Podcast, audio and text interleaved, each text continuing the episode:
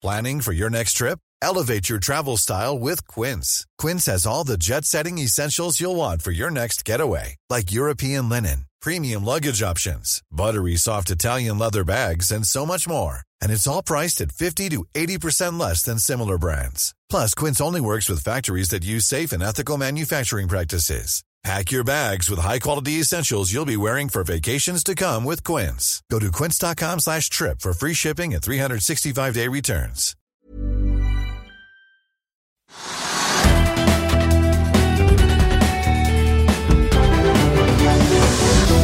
Da har vi med oss eh, analytiker Preben Rask Olsen i Carnegie. Velkommen.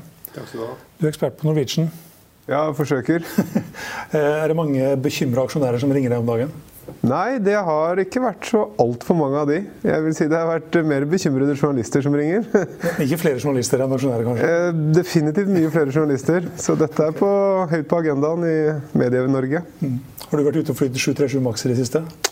Eh, ja, det har jeg. Ikke så altfor lenge siden. Jeg fløy til og med fra Addis Adeba til Nairobi for to uker siden. Ufta. Så jeg har vært ganske tett på dette her.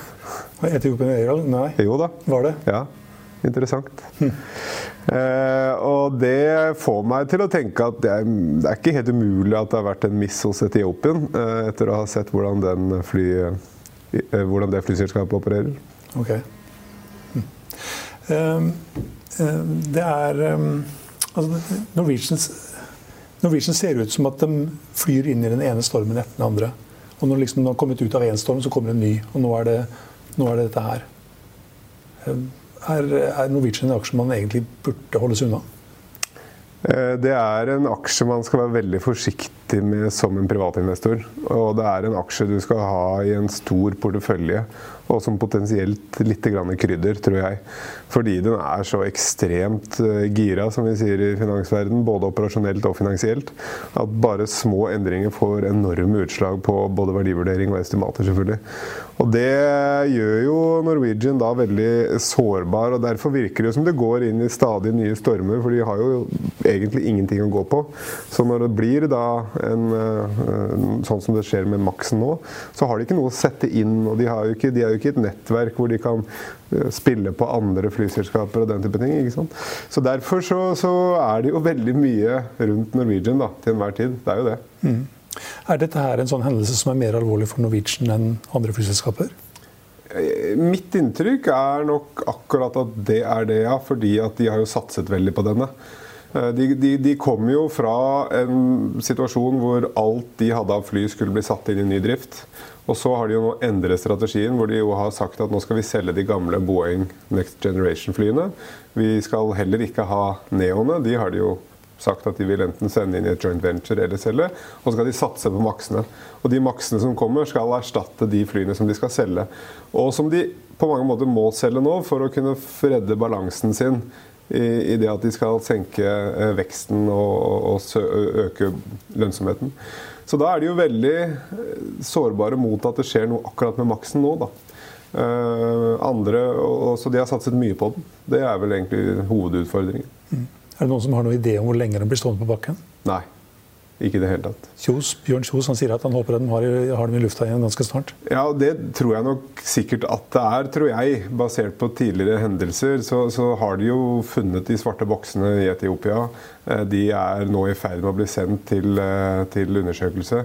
Da bør det jo komme noen svar ganske umiddelbart. da.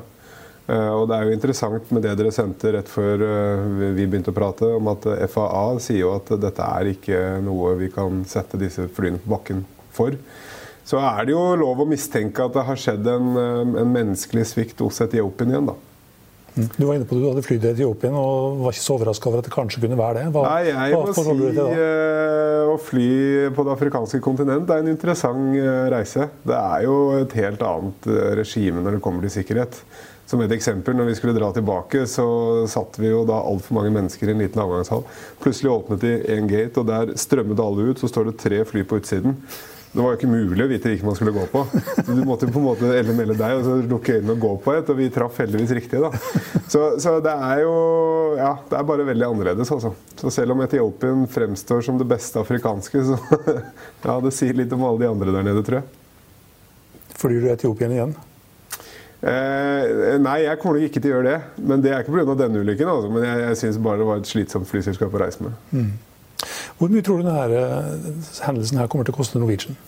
Ja, Det er jo det litt paradoksale. at Det skjedde jo på mange måter på et gunstig tidspunkt. hvis man kan si det sånn For Norwegian. For det første hadde de jo hentet penger. Takk gode gud for det. Eh, for det andre så er mars nok den kanskje vanskeligste måneden deres i år. Det er ingen påskeeffekt. Det er dårlig interesse generelt. Eh, så jeg tror jo de har ganske mye ledig kapasitet som de kan nå dytte inn der hvor de tar ut maksene. Så, så, så, er det klart at det vil jo aldri være lønnsomt å sette masse fly på bakken. Eh, så, så jeg tror ikke liksom de kommer positivt ut av det uten at de får noen form for kompensasjon fra Boeing. Men hvis dette her løser seg i løpet av et par, par uker, så tror ikke jeg at det blir så fryktelig ille for Norwegian. Altså. Da er det et par dager her. Jeg vet det ble en del eh, sinte reisende i natt og i dag, og kanskje også i morgen, før de får dette til å fly. Flyte. Eh, og da, da, tror jeg ikke det er så farlig. Men hvis det strekker seg inn på påskeuken, og hvis det skulle være så ille at det strekker seg ut i mai og juni, når sommeren og sommersesongen begynner, da vil det koste penger. Hvor mye? Jeg gjorde et superenkelt regnestykke, og det er så enkelt at det er nesten flaut å gå, gå, ut med det. Men hvis du antar at, at alle kostnader forblir eh, faste, uh, og du bare tar bort måte den inntekten som kommer fra maksene I de viktigste tre sommermånedene så er det jo to milliarder i tap ganske umiddelbart. Mm. Og det, det, det, blir jo flåsete. Men det er worst case, kanskje? Det er, det er absolutt worst case. De vil jo mm. greie å, å, demme opp og få ut noen kostnader. Så det, det vil jeg si liksom er det absolutt verste jeg kan se for meg. da. Mm. Hvor mye kan de få igjen fra Boeing? Eh, det tør jeg ikke å spekulere på. Men, eh, du sier at de sender regningen til Boeing, men vi vet jo ikke hvor mye det vil kunne bety. Nei, og det sier jo alltid Bjørn. Ja. Eh, jeg har ennå til gode å finne det i regnskapet hans, at han har fått så mye tilbakebetalt. Så, ja, da er det noe sånt noe det kommer i form av. da. Mm. Uh, og det, det, greier vi ikke å se. altså. Og det er klart at hvis, hvis, hvis, både FAA og Boeing begge sier at her er alt i orden, og, og dette skyldes ikke, dette er ikke vår feil, disse flyene kan flys, så tror jeg Norwegian vil ha et veldig stort problem med å gå til Boeing og kreve penger tilbake. Altså Da må jo de gå på norske myndigheter eller mm. Avinor eller gudene vet hvem som sitter med Luftfartsmyndighetene som har gjort uh, ja. Som har tatt en, en feil avgjørelse. da. Mm. Ja, og det kan godt hende. Jeg, jeg, jeg, kan ikke reglene rundt det. altså. Mm. Nei, amerikanske luftfartsmyndigheter har jo ikke gjort det. Nei. Det var kanskje ikke så overraskende at Kina var de første. Nei, det er jo lov å se dette i et litt større geopolitisk spill også. Det, det, det, det er mye som kan tyde på sånt. Men selv om det ikke er Norwegian sin feil, så har det jo litt å si, altså, det har litt å si med tilliten til selskapet? Ja. Kanskje også tillit fra aksjonærer? Ja, ja og, og, sånn sett så er de jo De blir jo presset ganske hardt opp mot et uh, hjørne. ikke sant? Skal de sette de flyene på bakken på egen hånd uten å egentlig ha noe grunnlag for det? Eller uh, skal de fortsette å fly og si at vi stoler på alle myndigheter? Det der er jo kjempevanskelig. Uh, egentlig tror jeg at kanskje Norwegian skal være glad for at de ble tvunget til å sette det på bakken. At de ikke de trengte å ta den avgjørelsen selv. Eh, det er litt utenfor deres hender. Og så kan det jo da være at de kan søke erstatning noen steder. Mm. Um, så, så, sånn sett så kanskje det var bra. For jeg tror mange var Det var mange som ikke ville fly makser, altså. Det var det. Mm. Det er ikke så lett å se, men du ser vel på disse her vingene på enden på vingen? Og som har ja, ja, ja det, er den du ser maksen på. Det er ikke sant? Den går opp, men så har du da maksen som har en sånn V ytterst på. Ja. V som i Vy. Så ser du det på billetten også, for da kommer det vel 737 M etter, tror jeg. Og de andre er vel JT eller noe sånt. Mm. Du har jo vært litt eh, kritisk til når selskapet skal begynne å tjene penger. Er de nærmere å tjene penger nå enn for la oss si, seks måneder siden eller et år siden? Hvis vi ser gjennom dette her. Eh, nei, det er et godt stykke unna ennå, uh, virker det på meg.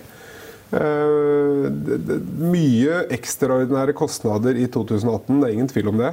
Men selv når du justerer for det og ser på hva de sier for 19, så kan jeg vanskelig se at de tjener penger i 19 heller. Og jeg sliter med å se noe særlig inntjening også i 2020. Så de er uh, fortsatt et langt stykke unna å få svarte tall. Altså. Tror du de som tegna seg i emisjonen, var klar over det? Ja, Det håper jeg jo. Jeg håper de har gjort utregningene og har fått gode råd fra de som er rådgivere. Mm. Men, men, jeg, ja, det, det, kan jeg jo ikke svare på. Nei. Det er flere nå som er ute og justerer estimatene sine og kursmålene. Ja. Og noen er vel nede på 35 kroner, tror jeg. Har Ja. du gjort noe med dine estimater og kursmål? Eh, Jeg jobber med saken. Mm. Nei, altså dette her er jo, Det blir jo litt sånn teknisk, da. ikke sant? Men eh, finansbransjen er jo regulert i fillebiter av myndigheter. Så når det da kommer en sånn rights issue hvor vi ikke vet antall aksjer før boka på en måte er bygd, så sitter vi jo i tre uker uten å vite hvor mange aksjer vi skal bruke i fremtidig utregning osv. Da er det jo egentlig spøtt umulig å regne ut en, en inntjening per aksje. og en target basert på antall aksjer. ikke sant? Så jeg endte opp med å faktisk fjerne både target og recommendation, ja, for det var ikke mulig å si noe. Nå, er det, nå vet vi hvor mange aksjer det blir, så nå går det an å regne igjen. Og så får vi komme ut med noe nytt ganske snart. Betyr denne hendelsen her noe i de regnestykkene, eller er det sånn som du ser blåse forbi? Eh, nei, jeg, tror nok jeg vil eh, vente et par dager ekstra nå, bare for å se om vi kommer til en, en klarhet i hva dette vil bety. Altså. Eh, det, det har jo litt å si på, på inntjeningen. Men det, det skal jo være en engangstilfelle. Hvis vi tror det løser seg i løpet av et par-tre dager, så er jo ikke dette noe som er ødeleggende for selskapet. Hvis flyene blir stående på bakken et halvt år, så har de et lite problem. Trygve Hegnar han sa her i går at eh, han tror aksjen er på vei mot 40 kroner. Hva tror du? Ja, jeg ville heller trodd det enn 60 i hvert fall. Når er, når er aksjen en kjøpskandidat igjen? Du sier at du sitter og regner på det, men har du noe i hodet? Nei, det er, det er litt for tidlig å, å si foreløpig, altså. Det er det. Uh, uh, under 40 kroner så begynner det å se Da, da begynner det å bli ganske så billig. Det gjør det jo. Eh, da kan du liksom kjøpe og si at du nærmer deg boka i, i, i selskapet. Og du kan begynne å regne på litt asset-verdier og litt sånt noe.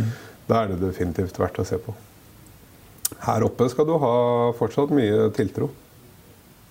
3 milliarder pluss noen ekstra verdier. For 3 milliarder har de jo faktisk fått inn nå nylig. Ja, ja, så er det vel noe mer der òg. I, I navn og fly og litt av hvert. Eh, eh, Noen eh, mener at Norwegian er litt lemfeldig med informasjonshåndteringen sin. Og I går så ble det hevda at en journalist hadde fått tilgang på at de satte flyene på bakken før pressemeldingen var ute. Og jeg vil, ja. Hvilket inntrykk har du av informasjonsflyten i selskapet? Eh, Nei, ikke noe urettferdig på noen som helst måte. Men eh, jeg syns vel kanskje at de tidvis kan bli litt vanskelig å få tak på. Det var diplomatisk sagt. Ja. ja. Fra Norwegian til eh, Kan vi snakke litt om et par andre aksjer som du også følger tett? Skipsted f.eks. Ja. Spennende selskap. ja. Den, eh, den, den, har, ja, den har gått bra. Den har vært i all time high i det siste. i hvert fall. Ja, Flere ja. dager etter hverandre. Ja, Hva er det. som gjør at den er så bra nå? Ehm, De har over flere kvartaler levert det de har lovet. Som i veldig korte ordelag har vært å dra ned kostnadene og fortsette å ha en ganske god inntektsvekst på de viktige eiendelene de har. Type Le Bancois i Frankrike, Finn i Norge. Eh, og så kom jo den veldig spennende nyheten om at de skal skille ut deler av Schibsted i et eget selskap. Eh, og det mest spennende med det er jo at eh, både stiftelsen skal selge seg ned i det selskapet. Og Schibsted har også sagt at selv om de blir sittende med 60% initielt, så har de ingen intensjon om å sitte som en aksjonær, en, en stor aksjonær i, i all uoverskuelig framtid. Og da begynner man jo selvfølgelig å spille litt rundt om at dette er jo en selskap som vil bli veldig interessant for mange andre aktører. Da. Så da får du jo en helt annen prising på det selskapet enn når det er satt fast i gamle Skipsted og var på en måte eh, beskyttet av, av stiftelsen. Så det har jo dratt opp verdiene enda mer. Eh, og da hadde de en eh, kapitalmarkedsdag i London i forrige uke, hvor de gikk veldig grundig gjennom alle delene i Skipsted. og Man får mer informasjon, man lærer mer om deler av selskapet som ikke vi kunne så godt om fra før. Så det er jo sannsynligvis en del investorer og analytikere som har dratt opp verdiene gjennom de siste ukene og månedene, da, fordi at det har liksom tilflytt litt mer å kunne regne på. Skipsstedet har jo vært din favoritt i mange år. Ja. Eh, Hvor høyt skal den aksjekursen nå, tror du? Ja, nei, Jeg tror jo vi har begynt å nå en topp nå, da. Okay. På, I det korte bildet. For jeg ble faktisk litt skuffet over den kapitalmarkedsdagen. Jeg syns det var eh, mye der jeg hadde håpet på som ikke kom. Eh, Så jeg, jeg sliter litt med å dra verdiene veldig mye over 350 eh, de neste 6-12 månedene. Jeg finner fort skipset B her på 3,2350, opp 2 i dag. Ja, ja den er sterk.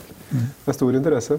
Og Det skyldes jo at denne splitten skal skje 10.4. Og da er det jo en voldsom kamp i å få Skipsted aksje nå, sånn at du er sikker på at du får én aksje i dette nye selskapet. Mm. Og Der vil det jo bli en ganske interessant utvikling. For da kan man jo kanskje mistenke at mange vil selge unna nye Skipsted og heller kjøpe dette nye selskapet. Så det blir en, en, en veldig snål prising, da. Mm. Så Der tror jeg man skal være litt våken på den dagen der. Kan du kort, kort, si hva det nye selskapet er for noe? Det nye selskapet vil være all øh, øh, hva er det vi kaller det på norsk, rubrikkannonsering på nett mm. utenfor Norden. Hvorav den desidert største bidragsyteren er jo da Le Bon Coin i Frankrike.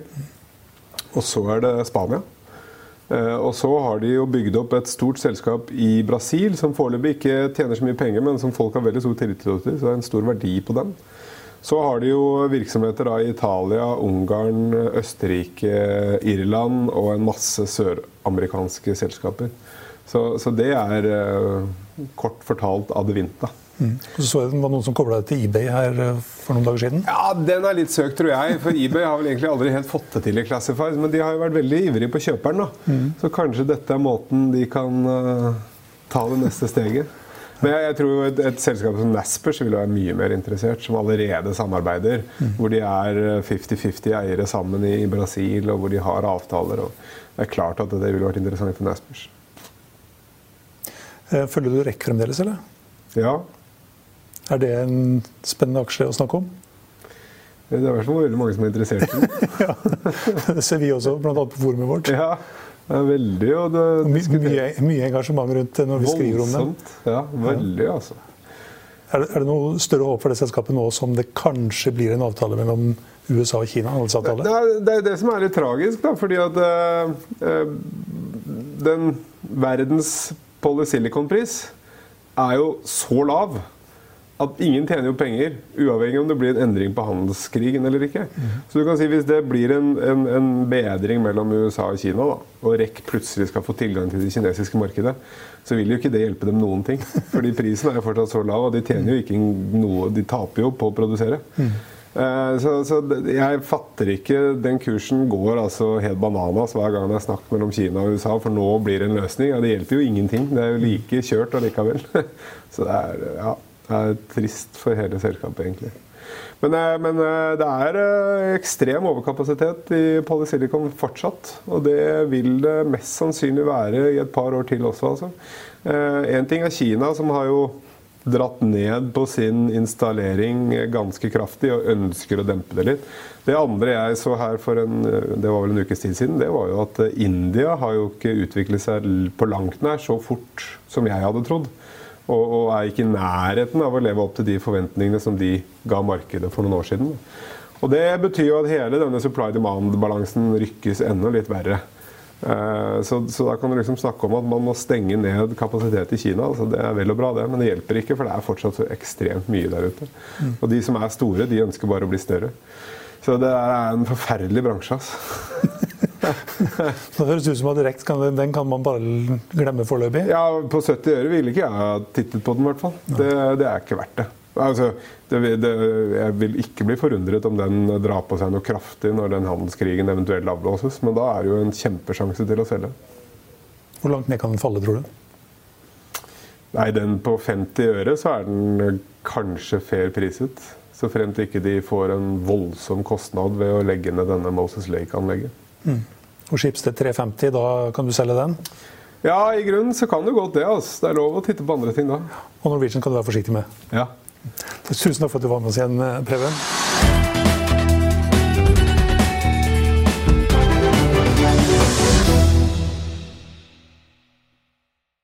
Økonominyhetene er en podkast fra Finansavisen. Programledere er Marius Lorentzen, Stein Ove Haugen og Benedikte Storm Bamvik. Produsenter er Lars Brenden Skram og Bashar Johar. Og ansvarlig redaktør er Trygve Hegnar.